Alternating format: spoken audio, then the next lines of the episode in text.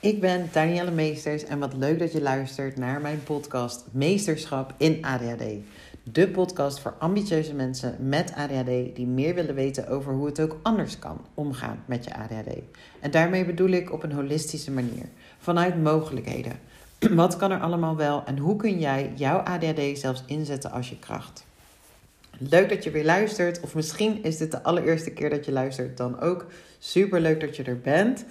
Uh, ik vind het altijd heel erg leuk om jullie reacties terug te krijgen. Dus weet dat als je vragen hebt of een reactie of wat dan ook, een ervaring die je met mij wilt delen, dat ik uh, heel toegankelijk ben. Stuur me vooral een berichtje. Dat kan via Insta, Danielle Meesters, of een mailtje naar danielle.vivecoaching.nl. Oké, let's go. Vandaag ga ik het hebben over emotieregulatie. Emotieregulatie wordt gezien als een van de meest uitdagende aspecten van ADHD. En ook als een van de dingen die misschien wel het minst besproken wordt. Of ook het minst, um, ja, minste mensen weten dat dat ook echt een onderdeel is van ADHD.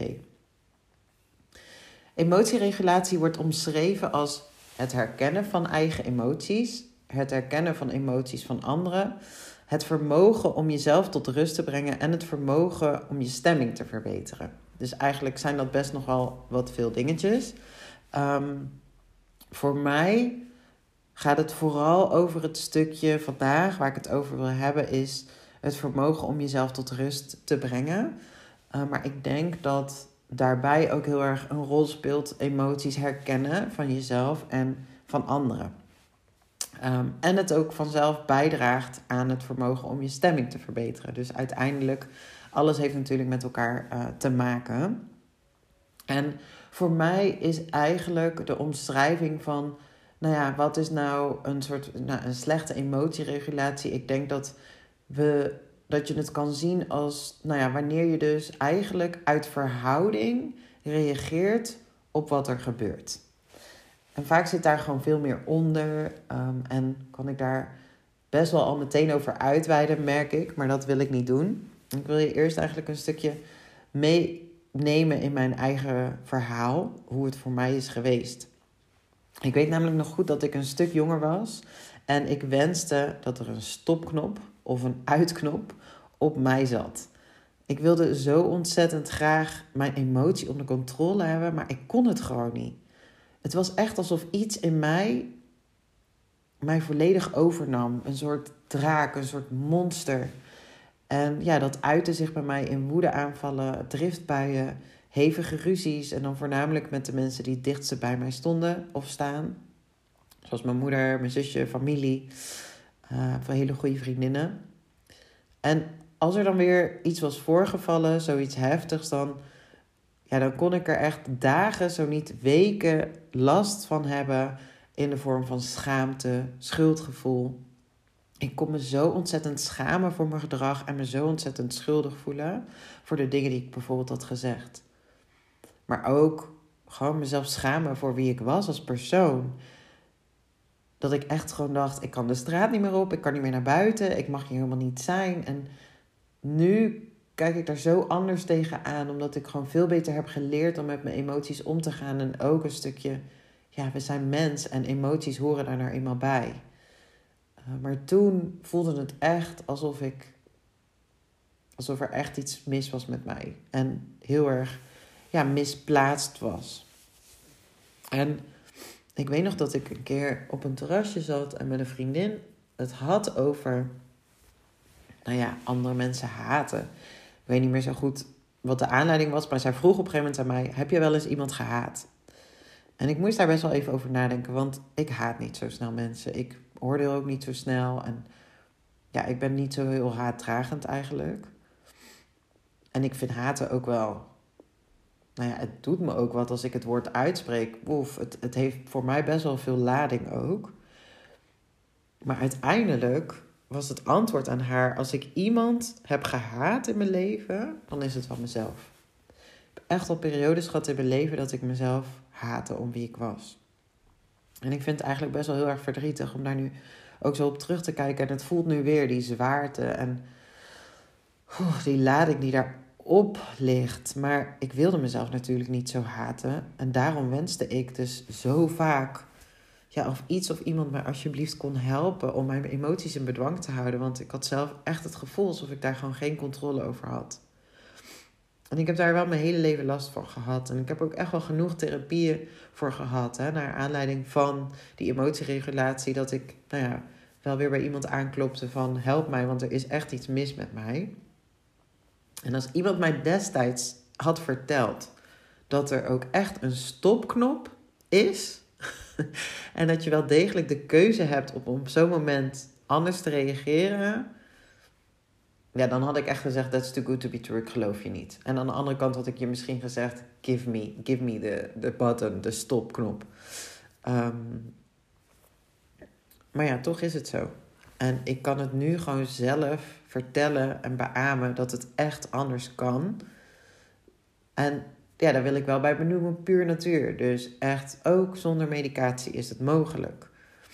En ik kan echt niet in woorden uitdrukken hoe dankbaar ik ben dat het inmiddels bij mij zo anders is. Omdat het me ja, zoveel opbrengt in het leven, maar ook in relatie tot anderen. Dus daarom wil ik in deze aflevering met jou de dingen delen die mij hebben geholpen om beter met mijn emoties om te gaan. En bij emotieregulatie is gasgeven niet bepaald het probleem, maar vooral eigenlijk die rem erop zetten. Kijk, iedereen ervaart dezelfde emoties. Of je nou ADHD hebt of niet, iedereen ervaart dezelfde emoties. Alleen bij mensen met ADHD werkt de rem gewoon niet zo goed, waardoor we vaker door de bocht vliegen. Je kunt die rem wel trainen. En ik denk dat er best wel een heel verhaal ook om het stukje hormonen kan zitten. Hè? Hoe werkt nou dopamine en ehm, hoe zit het dan daarmee? Um, alleen ik denk gewoon niet dat dat per se bij iedereen hetzelfde is. Want het heeft met verschillende factoren te maken. En met verschillende neurotransmitters of hormonen kan het te maken hebben bij de een wat sterker het een dan de ander. Want GABA, dat is ook een, dat is een neurotransmitter, speelt hierbij ook een hele grote rol. GABA is namelijk ja, een rem eigenlijk, een remmende uh, neurotransmitter. Maar nogmaals, in deze aflevering wil ik je eigenlijk vooral nemen in wat praktische tips die jij kunt doen en die jij kan toepassen. En wat er dan nou precies innerlijk met je gebeurt, daar zal ik je niet te veel mee lastigvallen. Het eerste punt, en meteen misschien ook wel de allerbelangrijkste, in ieder geval voor mij was dit wel echt de eerste stap en is nog steeds nou ja, heel erg belangrijk. Namelijk zelfliefde. Jezelf accepteren zoals je bent. Maar ook van jezelf houden zoals je bent. En zelfliefde, in eerste instantie denk ik, het woord of zo. Dat denk ik nu niet meer hoor. Maar ik kan me zo voorstellen dat het ergens. Het, is zo zoetsappig of zo. Het is zo. Um, soft. maar het is echt heel belangrijk om van jezelf te houden zoals je bent. Zowel je mooie als je donkere kanten. Al je kanten. Want al die kanten zijn van jou. En iedereen heeft mooie kanten. Iedereen heeft uitdagende kanten. Iedereen heeft hele lichte kanten. En ook iedereen, echt iedereen, heeft donkerdere kanten. En voor mij, heel specifiek, heeft het daarbij heel erg geholpen om contact te maken met het kleine meisje in mij. Ja, eigenlijk de kleine ik, dus inner kindwerk, zoals dat ook wel heet. En ja, haar te vragen wat ze nodig heeft. En ik pas dit ook best wel eens toe in mijn, uh, in mijn één op één trajecten. Waar we echt ook contact maken met ja, die kleine jij. Waar heeft ze behoefte aan? Wat heeft ze misschien vroeger, hij of zij, gemist? En het mooie is dat jij dat nu alsnog kunt geven aan dat wat de kleine jij, kleine meisje of dat kleine jongetje van jou heeft gemist. En ik heb zelf meerdere coaches gehad waarbij ik dus contact maakte met mijn innerlijke kind en haar letterlijk heb vastgepakt, omarmd en heel veel liefde heb gegeven. Ja, die zij nodig had en nog steeds heeft. En ik heb daar enorme sprongen in gemaakt, maar het blijft wel echt een ongoing process. Wekelijks, zo niet dagelijkse practice om jezelf te vergeven en jezelf te accepteren en jezelf te omarmen voor wie je bent. Ook trots te zijn op wie je bent. Oké, punt 2. En eigenlijk sluit deze best wel heel erg aan bij het vorige punt. Punt 2 is voor mij vergeven. Mezelf vergeven uh, voor dat wat ik doe en wat ik zeg. En ook dus veel meer compassie hebben voor mezelf. ik ben een mens, zoals ik eigenlijk al eerder benoemde. En op het moment dat ik mezelf veel meer zie en behandel als een mens zoals iedereen. En als tip kan ik daar ook bij geven. Praat tegen jezelf zoals je tegen een vriendin zou praten. Of kijk eens naar bepaalde situatie zoals je ja, daarnaar zou kijken voor een vriendin. Waar je vaak veel milder bent uh, voor de ander dan voor jezelf. Dus je mag echt veel meer compassie, veel milder, veel liever naar jezelf zijn. En jezelf ook echt vergeven voor dingen die af en toe nog steeds wel misgaan. Want dat hoort er ook gewoon bij. En die eerste punten zijn misschien niet direct de eerste punten die je graag zou willen horen. Um, ik ga zeker zo meteen ook wat praktische dingen delen. Maar zonder meer compassie, zonder zelfliefde, kom je er gewoon echt niet. Um, want deze dingen die zorgen er gewoon voor dat er meer ruimte ontstaat. En ruimte heb je nodig.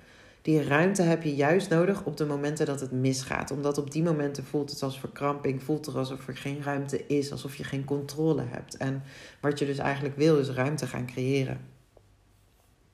Oké, punt 3. Je emoties begrijpen. Je emoties vertellen jou iets. Ze hebben iets van je nodig.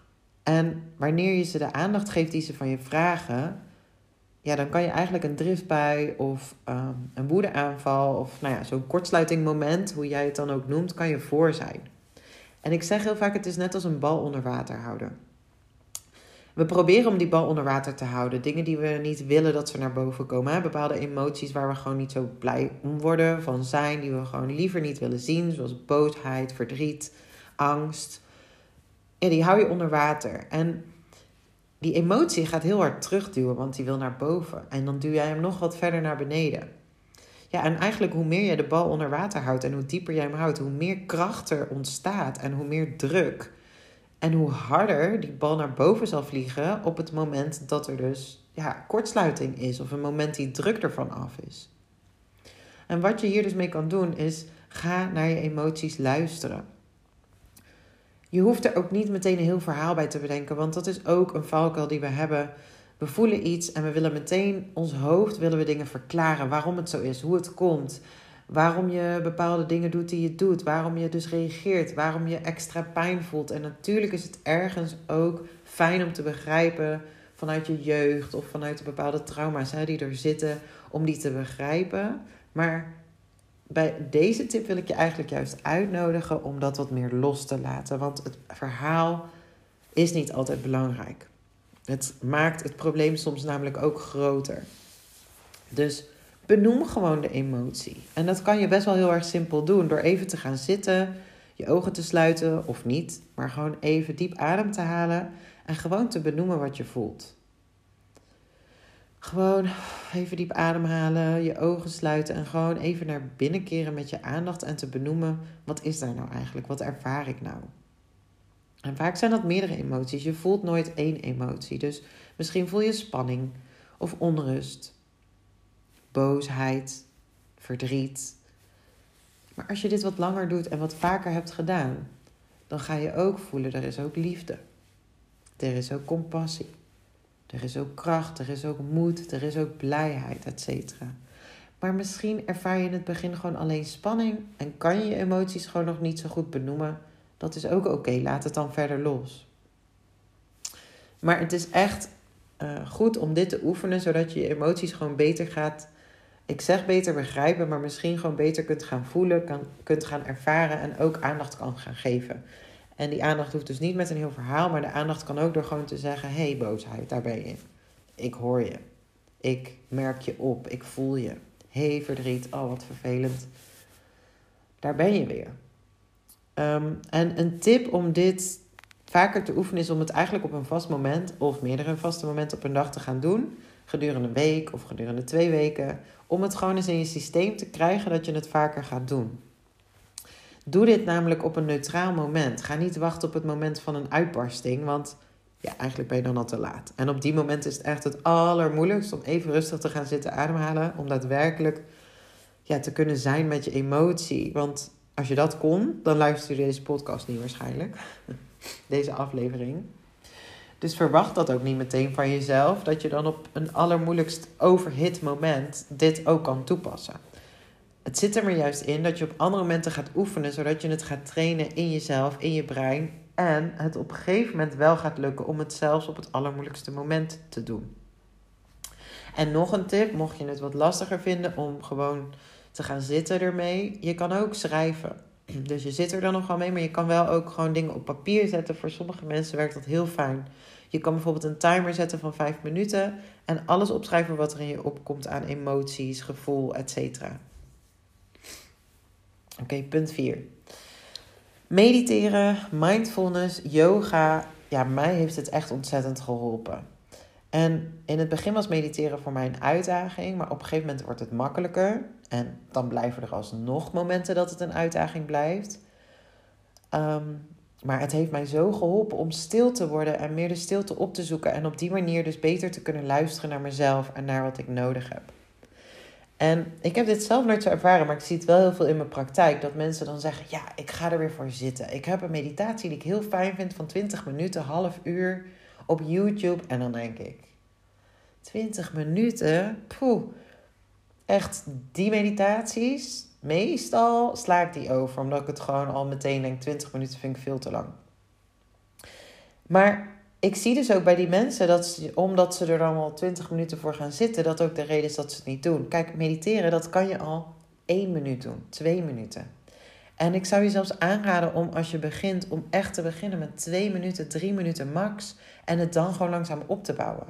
Maar neem jezelf voor om het in ieder geval één of twee minuten te doen. En mocht je dan vervolgens de ontspanning voelen om langer door te gaan, dan kan je altijd nog langer blijven zitten. Maar ga jezelf niet in één keer opleggen om 20 à 30 minuten een hele meditatie meteen te doen. En yoga ja, heb ik wel ook in het rijtje gezet. Maar dat helpt mij ook om één te worden met mijn lijf, met mezelf. En om meer contact te maken, meer bewust te zijn. Voor mij is dat echt een tool om naar binnen te keren en te ontspannen. Oké, punt 5. Ja, deze heb je waarschijnlijk al heel veel van mij gehoord, maar jezelf beter leren kennen. Dit is best wel een grote en ik wil hem in eerste instantie niet delen in dit rijtje, omdat het best wel ja, abstract is. Maar ja, in de basis is het gewoon wel de kern van wat ik geloof. Dicht bij jezelf blijven en dus ook terug kunnen komen naar jezelf op momenten dat het moeilijk is. Maar om dat te kunnen doen, is het wel belangrijk om te weten wat voor jou belangrijk is. En ja, jezelf gewoon goed te leren kennen. Wie ben jij in de kern?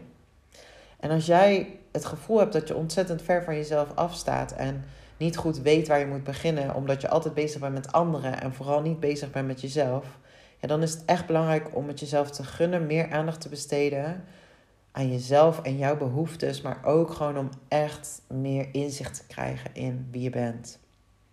En hier komt ook meteen het stukje grenzen aangeven bij. Wat ik ook heel vaak hoor. Mensen zeggen, ja, ik wil graag mijn grenzen aan kunnen geven. Ik geef inmiddels mijn grenzen beter aan. Ja, om je grenzen aan te kunnen geven, zal je echt eerst moeten weten wat jouw grenzen zijn. Aan de hand van wat jij nodig hebt.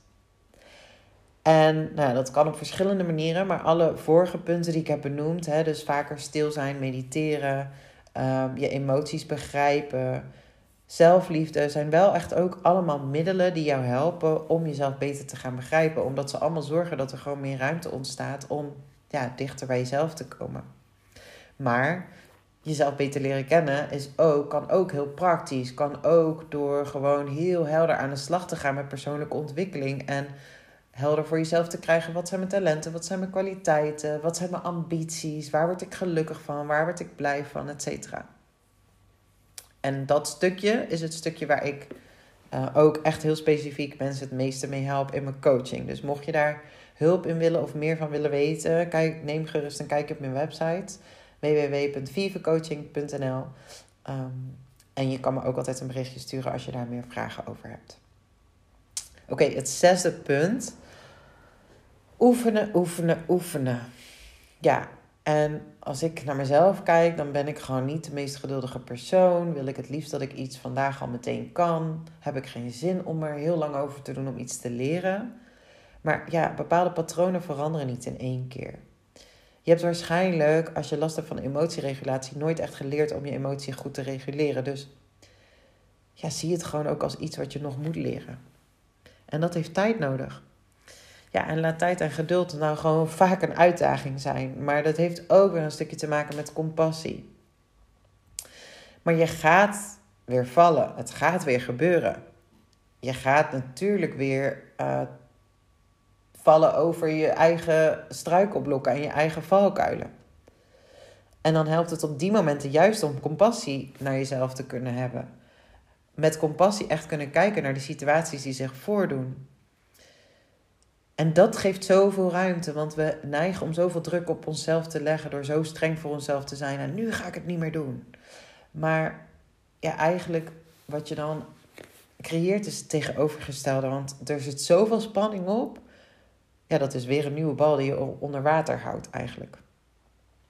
Ik had, ik had voorheen, kon ik echt, nou ja, na een bepaalde uitbarsting, een kortsluiting, kon ik echt weken last hebben van schaamte.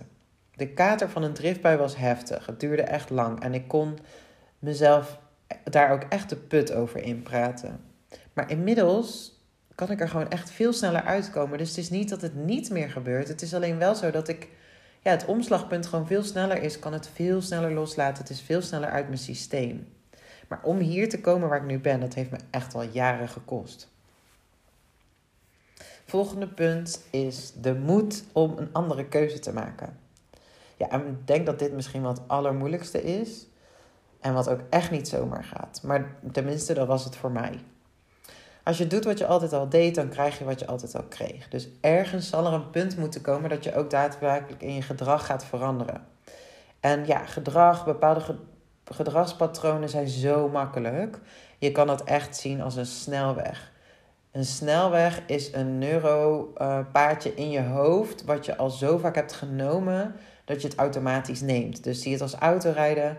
Eerst ken je het nog niet, weet je niet hoe het moet en denk je heel erg na over het schakelen, over in welke spiegels je moet kijken. Maar goed, tegenwoordig, als ik in de auto zit, hoef ik nergens meer over na te denken, gaat alles als vanzelf. Nou, dat gaat dus ook met bepaald gedrag zo. Dat gaat gewoon als vanzelf. Waardoor je inderdaad soms niet het gevoel hebt dat je de controle hebt. Dus je zult ook ja, echt moeten leren om die snelweg, dat paadje wat als vanzelf gaat, af te gaan en of helemaal niet op te gaan, zeg maar. Maar als je er dan op gaat, om dan ook, is er ook echt moed voor nodig om te besluiten, shit, ik zit er nu op, op die snelweg, en toch besluiten om er af te gaan. Een afslag te nemen naar een rustiger binnendoorweggetje.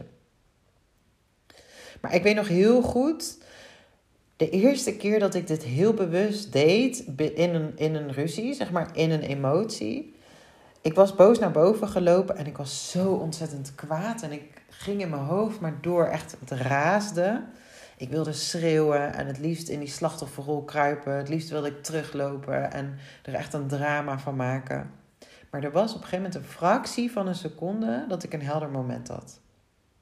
En op dat moment dacht ik: oké, dit is mijn kans. Dit is het moment waarop ik kan kiezen om door te gaan of om het anders te gaan doen. En geloof me, doorgaan was honderd keer zo aantrekkelijk als het anders te gaan doen. Want het anders te gaan doen, ja, dat, dat voelde echt gewoon als bijna onmogelijk. Dus ik zeg je echt, het was een fractie van een seconde, een moment wat ik gewoon pakte, een soort van helderheid had. Nu is het moment. En het makkelijkste is om dan niet te zeggen: Oh, ik kan nu even diep ademhalen, mediteren, Ehm, het makkelijkste is om gewoon te zeggen: ik blijf in die emotie. Want het is ergens ook heerlijk of zo om in die emotie te zijn. Maar het lukte me toch om te kiezen voor het andere. Om te kiezen voor ademhalen en niet te doen wat ik altijd al deed. En ik werd dus al best wel snel rustig. Ik ben toen echt ook heel rustig naar beneden gelopen. En ik ben gewoon eruit gestapt, emotioneel gezien. En dat heldere moment, dat heeft iedereen elke keer. Alleen in het begin is het echt maar een fractie van een seconde. Het is zo klein dat je er bijna geen grip op hebt. Alleen als het je lukt om een keer op dat ene moment het toch anders te gaan doen, dan wordt die window steeds groter. Dus de volgende keer is het niet meer, is het, zijn er twee fracties van een seconde of drie. En dit gaat langzaam, hè? dit is echt het oefenen ook. Ehm, maar het wordt dus makkelijker. Alleen het is juist die ene keer om het een keer te doorbreken, dat je dus ervaart dat het ook anders kan. Daar is echt de moed voor nodig en de kracht om die ego aan de kant te zetten en om ja, je kwetsbare zelf te zijn. Dus ja, eigenlijk die snelweg dus was ik toen opgegaan en ik was boven en ik in die snelweg zie je dan ergens een bospaardje. Nou ja, hoe moeilijk is het om letterlijk als je 120 km per uur rijdt, om letterlijk een bospaardje überhaupt te zien. En dit is een bospaardje wat verstopt is, waar de takken nog overheen hangen. En toch lukte het mij om dat bospaardje te pakken. En op een gegeven moment, als je vaker over dat bospaardje heen loopt, dan wordt het bewandelbaarder, dan buigen de takken om en dan wordt het pad groter. Uh, dus dat is eigenlijk echt hoe je het moet zien. Oké, dan wil ik je nu ook helpen met een paar praktische emergency tools. Want je kan met jezelf dus iets afspreken, een soort van noodplan of zo. Van oké, de volgende keer als ik in een emotie zit, dan ga ik X doen. Dus de deur uitlopen, in een kussen gillen. Ik doe dus tegenwoordig best wel vaak dat ik een soort van ga springen en schudden met mijn armen en mijn handen. En een beetje zo'n raar geluid maak. Zo uh, echt ga schudden met mijn gezicht. en denk als iemand me nu ziet, dan denken ze dat ik gestoord ben. Maar maakt niet uit, dat mag je allemaal loslaten. En soms ehm, schrijven. Ja, ik heb dit echt geleerd door in een emotie of na een emotie echt op te schrijven. En gewoon even bewust te zijn, wat helpt mij? Wat helpt mij en wat heb ik op dat moment nodig om eruit te komen? En bijna altijd is het stap er fysiek uit, letterlijk. En ik weet, als ik er weer in zit, vind ik het heel moeilijk om eruit te stappen. Want ik wil eraan vasthouden. Ik wil erin doorgaan. Ik wil boos blijven. Ik wil duidelijk maken wat ik voel. Ik wil dat een ander me ziet. Alleen het is gewoon helemaal niet constructief. Het is gewoon destructief. En op dat moment ben je daar helemaal niet mee bezig. En toch is het weer, dus die moed eigenlijk, om jezelf te helpen en er fysiek uit te stappen. Zodra gaat het me namelijk lukt om er fysiek uit te stappen, een rondje te gaan lopen, nou dan duurt het denk ik, ik ben de hoek om en ik ben al, en, en het vuur is gewoon al veel meer gedoofd. Dan is het echt zo voorbij.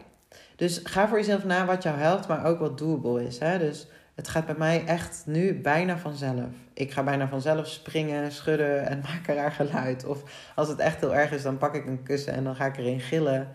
Ik pas EFT toe. En uh, nou, dat is een mooie. Daar ga ik binnenkort uh, voor de podcast een aflevering over opnemen. Of ik loop naar buiten.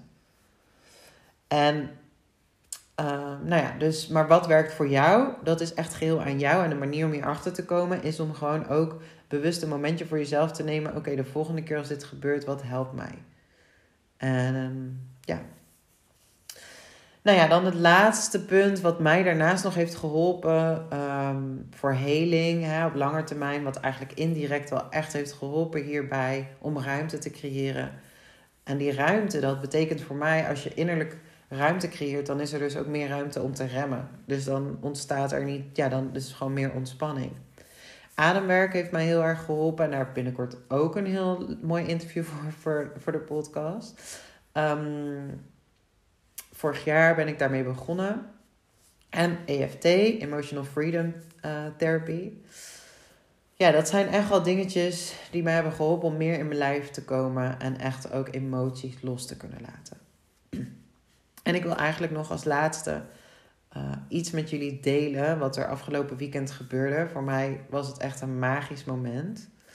Um, omdat ik gewoon voel dat ik veel meer één kan zijn met de natuur. En dat er dan ook eigenlijk dat je zoveel meer dingen ook gaat zien. En er zoveel mooie dingen dan eigenlijk al ontstaan. Uh, ik had een trigger, dus ik werd boos ergens over. En um, ik merkte, in, ik, ik was al, ik kreeg een berichtje waar ik gewoon, wat mij triggerde. En ik was al aan het terugtypen. Dus ik, ik, mijn eerste reactie is, erop ingaan. Dus ik was al aan het terugtypen. Maar mee dat ik terug aan het typen was, zei ik het ook hardop tegen mijn man en ging ik erover praten. En nou ja, toen liet ik mijn telefoon liggen. Ik liep ervan weg en ik begon te ijsberen, heen en weer te ijsberen. En ik begon te kloppen, EFT, dat is tappen op, uh, op zenuwstukjes. Uh, is wel grappig, want mijn dochter die zei, um, nou ja, een tijd geleden toen ik verdrietig was of ik zat in een emotie, zei ze, mama ga jij maar even kloppen. nou ja, goed, en die EFT komen we verder in in een andere aflevering.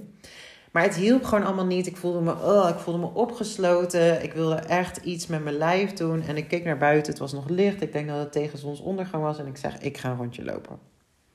Nou, ik loop naar buiten en ik loop altijd best wel snel. Dus nu ook. Ik liep snel, ik liep naar buiten. En ik heb het geluk dat ik echt letterlijk meteen de natuur inloop. Hier achter bij ons huis. En ik liep de natuur in. En op het moment dat ik ook echt omringd word door die bomen, ik was mijn boosheid hardop aan het uitspreken. En uh, op een gegeven moment kwam ik bij water en ik zag wat stokken liggen en ik ben stokken het water in gaan smijten.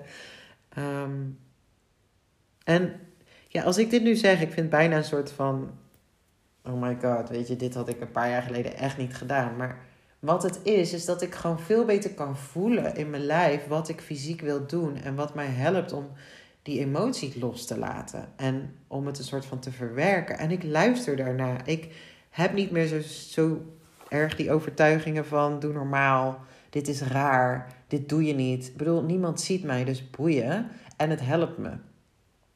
En dat is ook echt een shift geweest. Dus nogmaals, als ik dit een paar jaar geleden deed ik dit niet. Want dan dacht ik, hou je in. Um, ja, doe normaal. En nu had ik wat stok in het water gegooid en ik liep langs het water. En ik begon ook langzamer te lopen. Ik was me veel bewuster van mijn omgeving. En ineens komt daar een groep zwanen aanvliegen. En het was best wel indrukwekkend, want het waren er heel veel. Ik dacht zelfs in eerste instantie, hè, zijn dat nou ganzen? Het is nu, 1, het is begin maart, dus nou ja. En ze landden recht voor mij op het water waar ik langs liep. En het waren er dus 17. Ik heb ze echt vier keer geteld, omdat ik gewoon echt dacht: wow, het zijn er echt veel. Echt meerdere keren. Wow, het zijn er echt heel veel. En ik bleef staan om te observeren. Er, er, er was op een gegeven moment een soort van mooie paringsdans. Of zoals mijn man achteraf zei, een orgie met 17 zwanen. Maar ja, ik zag dus de mannetjes, die waren hun vleugels groot aan het maken. En ze zwommen steeds in paardjes van twee. En ja, hoe zwanen heel mooi die nekken zo tegen elkaar kunnen zetten. Dat ze zo een hart wordt. Ja, dat, dat, dat gebeurde dus. Bepaalde geluiden van zwanen die ik echt nog nooit had gehoord. Het was bijna alsof ik een soort van iets intiems ja, of ik daar uh, getuige van mocht zijn. Dus dat maakte best wel indruk op mij. En uh, ik liep weg met de vraag van wat betekent dit nou? En nog niet eens zo heel lang geleden zou ik dan ook dat opzoeken in eerste instantie. Online meteen. Ik had mijn telefoon er niet bij, maar zou ik dat later voor thuis. Maar nu vertrouw ik ook gewoon heel erg op mijn innerlijke daarin. Hè? Van oké, wat betekent dit? Maar in eerste instantie, wat betekent het voor mij? Wat straalt een zwaan uit voor mij? En bij mij kwam als eerste op liefde. Nou, dat was er daar ook wel heel erg in de hartjesvorm en uh, de hele paringdans, zeg maar. Maar het woord overvloed kwam ook in me op, want nou ja, het waren er 17.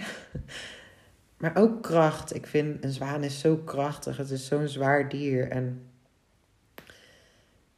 en toch is het zo elegant. Dus nou ja, goed, ik voelde het woord kracht en overvloed. En mee dat ik daaraan dacht terwijl ik terugliep naar huis, voelde ik eigenlijk al zoveel rust in mijn lijf.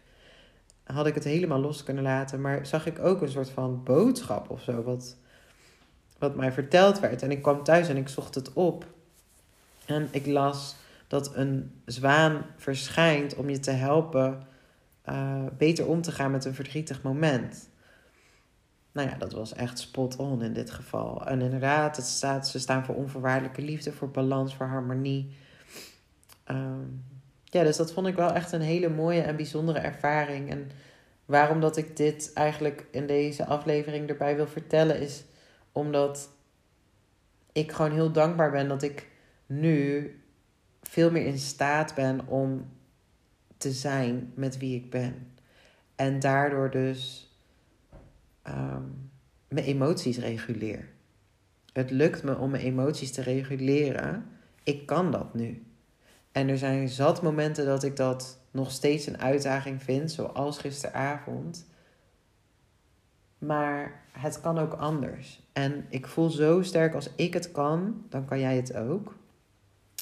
Dus ik hoop heel erg dat je nou, iets hebt aan deze aflevering, dat je er iets mee kan, dat er bepaalde tips zijn waar jij mee aan de slag kan. En ehm, mocht je aan de hand van de aflevering vragen hebben, dan, uh, dan hoor ik ze heel erg graag. Je kan me altijd een berichtje sturen naar um, danielle.vivecoaching.nl of via Instagram, Danielle Meesters. Ik hoor heel graag van je en heel graag tot de volgende aflevering.